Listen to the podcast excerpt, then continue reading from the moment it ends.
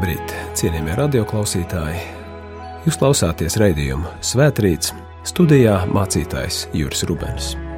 Mūsu šī rīta pārdomām mēs uzklausīsim svēto rakstu vārdus, kurus mēs lasām Jāņa evaņģēlijas 7. nodaļā. Jēzus sacīja: Kam slāpst, tas lai nāk pie manis un dzer. Kas man tic, kā rakstos sacīts, no tā plūdīs dzīvā ūdens straumes. Āmen!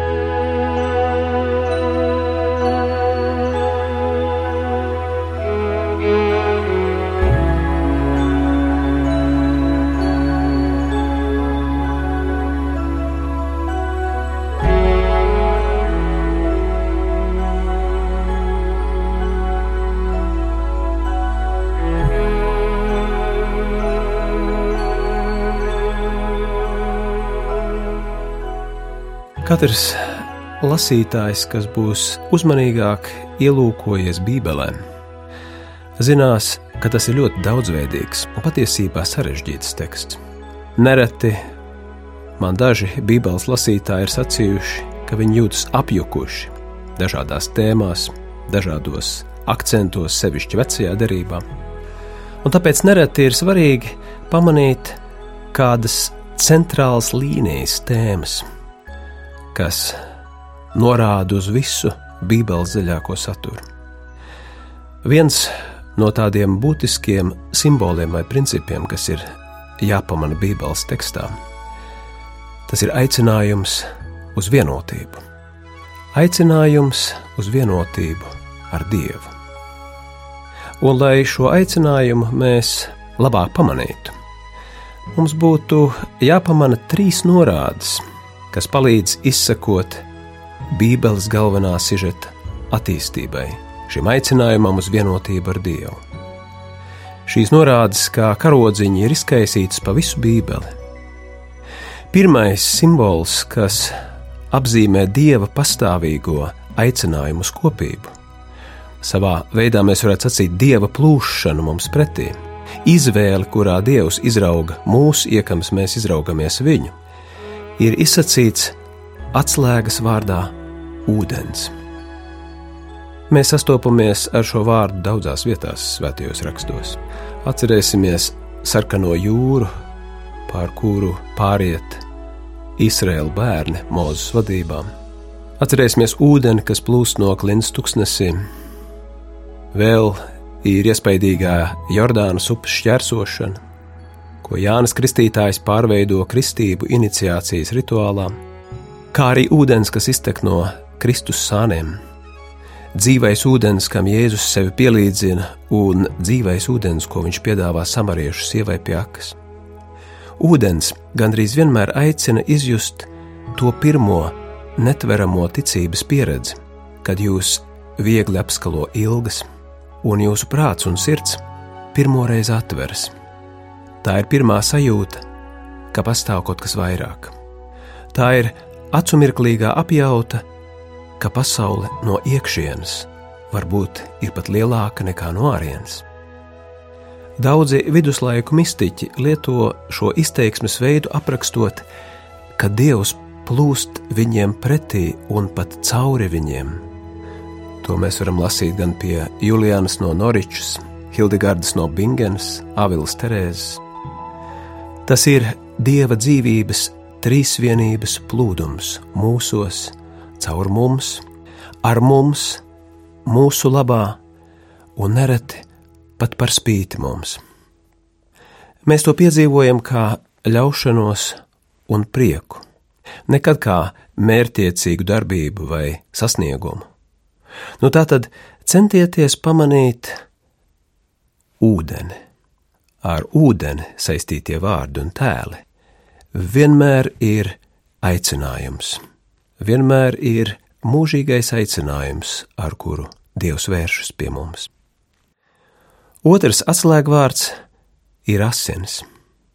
Tās vienmēr simbolizē pārveidojošo pieredzi vai iniciāciju. Jeb kā daži autori saka, nomiršanu, iekams mēs mirstam.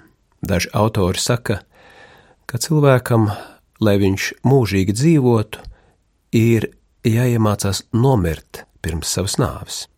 Par to runā kristietība, bet citās formās arī dažas citas garīgās tradīcijas. Proti, par jauno vienmēr ir jāmaksā ar vecā nāvi.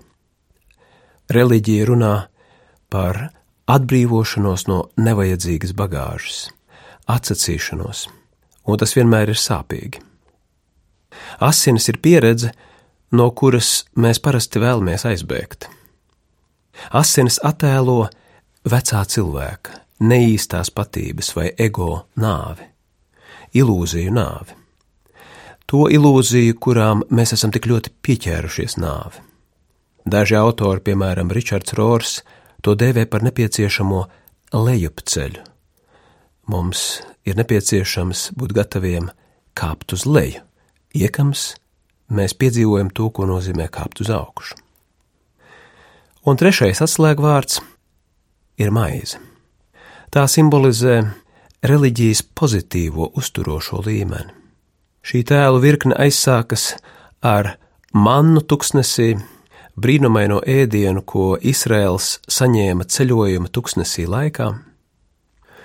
Un šķiet, ka ēdiens, jo īpaši maize, izmantots, lai simbolizētu pārticību un piepildījumu dievām. Proti, Dievs baro mūs, nevis mēs barojam Dievu.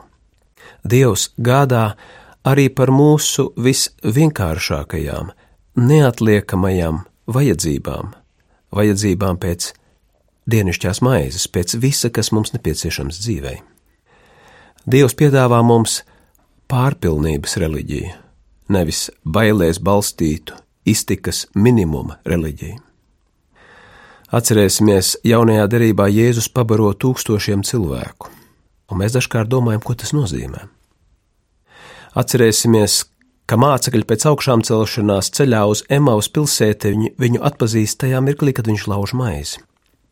Un viens no centrāliem notikumiem jaunajā derībā ir notikums, kurā Jēzus lauž maizi un dod saviem mācekļiem ko mēs saucam par Svēto vakarēdienu. Šī Svētā vakarēdiena maltīte, pie kuras Jēzus saka to dariet mani pieminēdami, kļūst par galveno kristietības novirzienu centrālo definējošo sakramentu. Visur, kur ir atrodams svētais vakarēdiens, eharistija, jūs atradīsiet arī daudz spēcīgākas mistiskās, nevis tikai moralizējošās kristietības izpausmes. Es domāju ar šo vārdu mistisks kristietību, kura ved cilvēku pieredzē, kura mudina cilvēku pagaršot, iesaistīties. Nu, tā tad mums ir ūdens, pirmais aicinājums uz iekšēju dzīvi vienotībā ar Dievu. Tad mums ir asinis, kas mums atgādina, cik dārgi par šo vienotību jāmaksā. Visbeidzot, mums ir maize, šīs vienotības uzturošais spēks. Tas norāda, garīgais ceļš ir process, un par šo procesu mums vēlas vēstīt dažādās formās Bībele. Tas ir process, kas lēnām soli pa solim mūs ieeicina ļoti atšķirīgā izpratnē par to, kas mēs esam. Pāvils to mēģina izsacīt vārdos: nevis es dzīvoju, bet manī dzīvo Kristus. Citiem vārdiem viņš grib sacīt, mēs nepiederam paši sev, jūsu dzīves nav par jums pašiem. Garīgajā ceļojumā pienāk diena, kad jūs apzināties, ka nedzīvojat tikai paši savu dzīvi.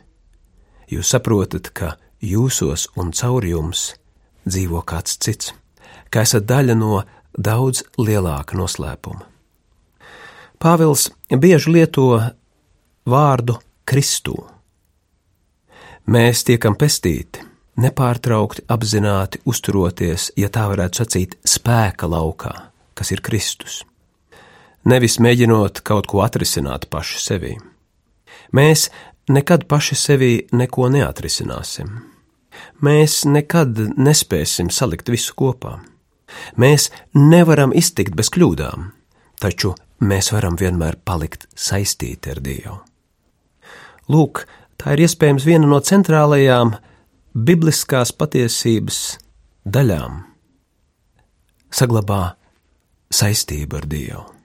tad tu vienmēr no katras kļūdas atradīsi izēju pareizajā virzienā. Mēs tikai varam iekrist mūžīgajā žēlastībā, kur mēs iekrītam drošības tīklā, no kura mēs nevaram izkrist. Galu galā mēs visi saprotam, ka mēs visi esam glābti par spīti mūsu kļūdām, un cik savādi, bieži rīkojoties nepareizi, nevis pareizi. Šis brīnums notiek, ja mēs pavadām laiku lūkšanās, vai pietiekami pamodināti pieredzam tādus svētus brīžus, kā bērna dzimšana, mīļa cilvēka nāve vai intīma tuvība. Kad mēs jūtam, ka esam daļa no cita cilvēka, kad piedzīvojam, ka mūsu dzīve nepieder mums pašiem. Tie, kā jūs zināt, nav morāli brīži, tie ir pārveidojoši brīži kad nonākam pie citas savas esības izpratnes. Tā ir līdzdalība, appusēja iemājošana, nevis mans sasniegums vai veikums. Atcerēsimies šos simbolus. Ūdens, asins maize. Jā, Bībelē mēs varam atrast ļoti daudz dažādu notikumu. Vecajā derībā mēs redzam cilvēces attīstību trīs soļus priekšu, divi soļi atpakaļ. Bet vienmēr pamaniet šos trīs vārdus.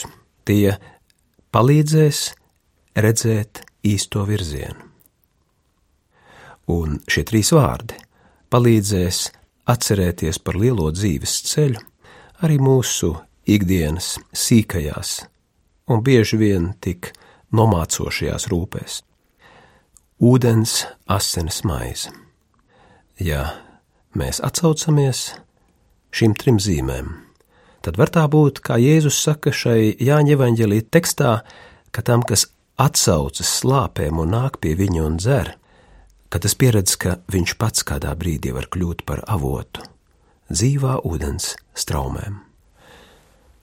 Tas ir ceļš, kurā mēs esam aicināti iet lai pieredzētu vienotību ar Dievu. Āmen!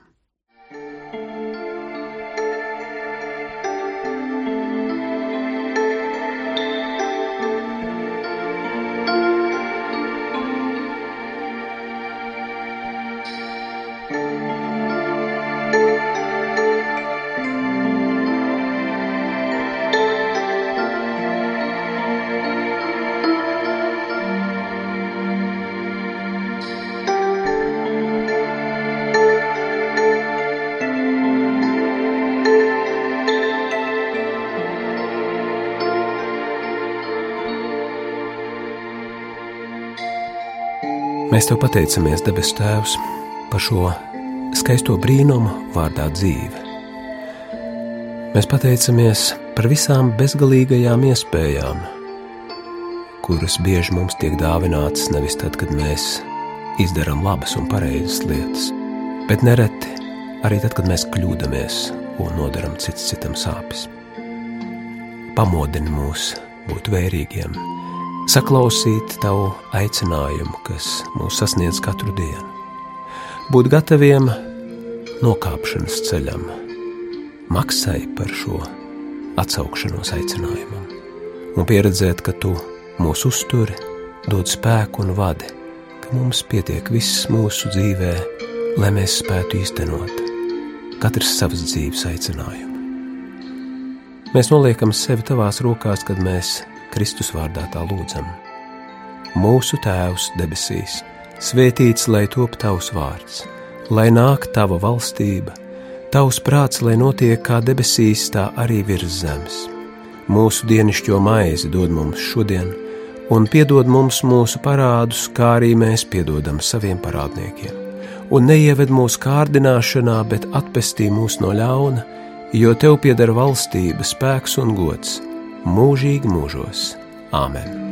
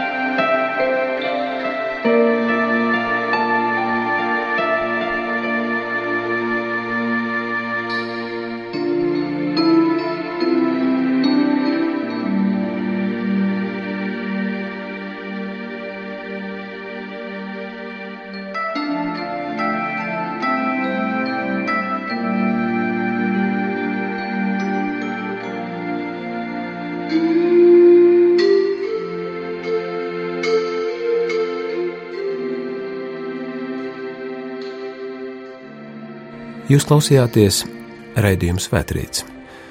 Studijā bija mācītājs Juris Rubens.